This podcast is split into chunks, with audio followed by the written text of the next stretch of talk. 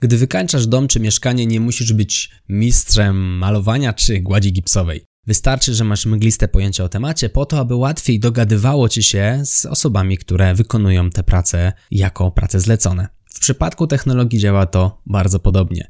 Jesteśmy nią zewsząd otoczeni, a więc dobrze znać podstawy programowania. Czy warto się ich uczyć? Oczywiście, ale jakie to niesie ze sobą plusy? Właśnie o tym porozmawiamy sobie w dzisiejszym odcinku. Zapraszam.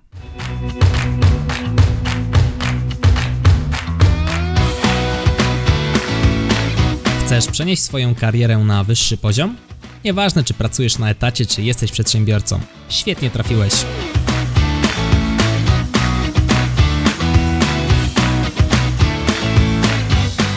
Nazywam się Michał Kowalczyk i witam Cię w Excellent Work Podcast.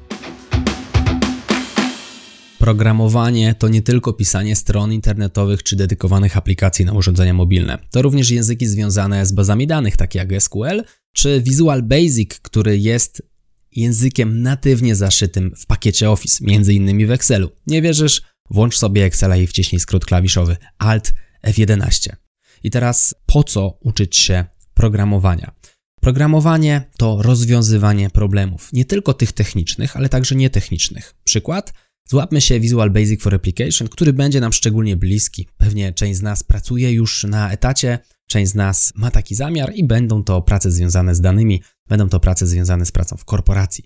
A więc mamy dostawcę, który regularnie chce od nas raport. Raz w miesiącu chciałby zobaczyć, jak idzie sprzedaż jego produktów. Mamy dużo obowiązków na głowie, przez co no, czasami spóźniamy się z raportem dla niego. Załóżmy teraz, że znamy Visual Basic for Application i potrafimy sobie zautomatyzować ten proces. Napisaliśmy sobie sprytne makro, które taki raport generuje nam w czasie poniżej 5 minut. Wystarczy, że je po prostu uruchomimy i wyślemy raport do dostawcy. Co więcej, wysyłanie raportu również jest zautomatyzowane. Excel świetnie współpracuje z Outlookiem, korzystając właśnie z Visual Basic for Application, więc w zasadzie wysyłanie odbywa się również automatycznie. Jakie problemy tu rozwiązujemy? Rozwiązujemy problem techniczny, no tego, że nie mamy czasu i zajmuje nam go trochę, wygenerowanie ręcznie raportu, a problem nietechniczny, który rozwiązujemy, to problem relacji między naszą firmą, firmą, w której pracujemy, a naszym klientem.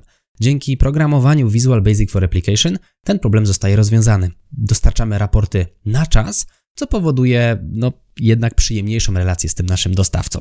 Aby taki problem rozwiązać, trzeba rozbić go na części pierwsze. No bo samo generowanie raportu to są pewne kroki, które muszą zostać podjęte. I teraz te kroki musimy zapisać w kodzie. A więc uczymy się kolejnej rzeczy metodycznego podejścia do problemów. Problem z góry wyglądający będzie wyglądał inaczej, jeżeli spojrzymy na niego w mniejszym detalu. I teraz, widząc małe kroki, które musimy podjąć, aby rozwiązać problem, musimy te kroki oczywiście zapisać w kodzie, ale także ułożyć w sposób logiczny. Co więcej, gdy pierwszy raz uruchomimy nasze napisane makro, okaże się, że prawdopodobnie nie spełnia w 100% naszych oczekiwań. A więc kolejna nauczka dla nas, zderzamy się z rzeczywistością. To, co wydaje nam się, ma się, jak się potem okazuje, no nie do końca jeden do jeden, tak jak to wygląda już na placu boju. A więc kolejna nauczka dla nas, planowanie to jedno, ale drugie to realizacja i zderzanie naszych rezultatów naszej pracy już bezpośrednio na froncie. Logiczne myślenie jest tutaj jak najbardziej konieczne, no i konieczne jest również to, aby podchodzić do problemów w kreatywny sposób, bo być może okaże się, że to, co sobie tutaj wymyśliliśmy i stworzyliśmy, no nie jest perfekcyjne, może można podejść do tego tematu inaczej.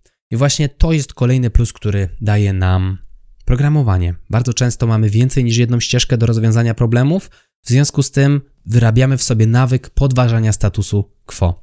To, że coś jest zrobione w ten sposób od 10 lat, to nie znaczy, że to jest najlepszy możliwy sposób. Być może można inaczej, być może można znacznie szybciej. I tu przykład z mojego etatu. Były właśnie dokładnie taki raport dostawców robiony ręcznie, zajmowało to około 15-16 godzin pracy, ale napisałem makro, któremu zajmowało to około 5 minut, wliczając w to wygenerowanie 10 maili do wysyłki prosto do dostawców. I znowu musiał przyjść ktoś, kto stwierdził, że no okej, okay, robimy to w ten sposób od jakiegoś dłuższego czasu, ale może można inaczej. To jest kolejna zaleta nauki programowania, właśnie wybijanie się z tego statusu quo, podważanie rzeczy, które wcześniej były uznawane za pewnik. Tu nie chodzi o to, że wszystkie trzeba podważyć, ale bardzo często okazuje się, że te, które podważymy, pozwalają nam potem podejść do nich w inny sposób, sposób, który zaoszczędza nam przede wszystkim czas. Programowanie jest dobrym ćwiczeniem dla umysłu, No właśnie z punktu widzenia takiego kreatywnego podejścia do problemu, spróbowania ułożenia klocków w inny sposób. A więc podsumujmy tę część podcastu, czego uczy nas programowanie. Pozwala nam nauczyć się myślenia logicznego, podejść metodycznie do problemów. Uczy nas tego, że planowanie to jedno, ale rezultaty dopiero możemy ocenić po zderzeniu tych naszych pomysłów z rzeczywistością. Uczy podważać obecny status quo.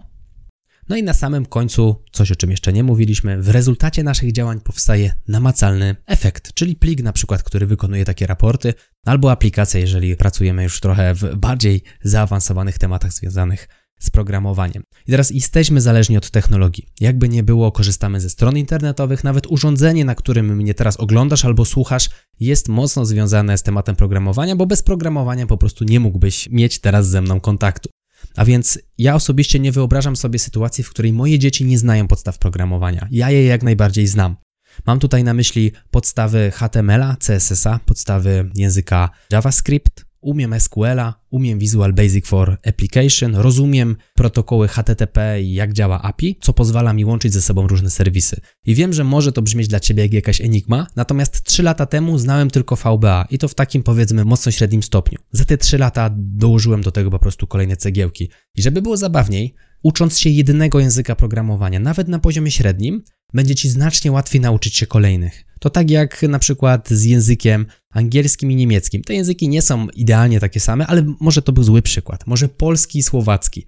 Znając polski łatwiej nauczyć się słowackiego niż w ogóle nie umiejąc języka polskiego. Gdybyśmy wzięli Anglika i kazali mu się uczyć słowackiego, nie byłoby to dla niego różnicy, czy to słowacki, czy to polski. Z językami programowania te języki są podobne, nie są idealnie takie same, struktura się różni, natomiast na poziomie podstawowym one są bardzo tożsame ze sobą, jest dużo elementów wspólnych, koncepcja zmiennych, koncepcja pętli. To jest coś, co występuje w wielu językach.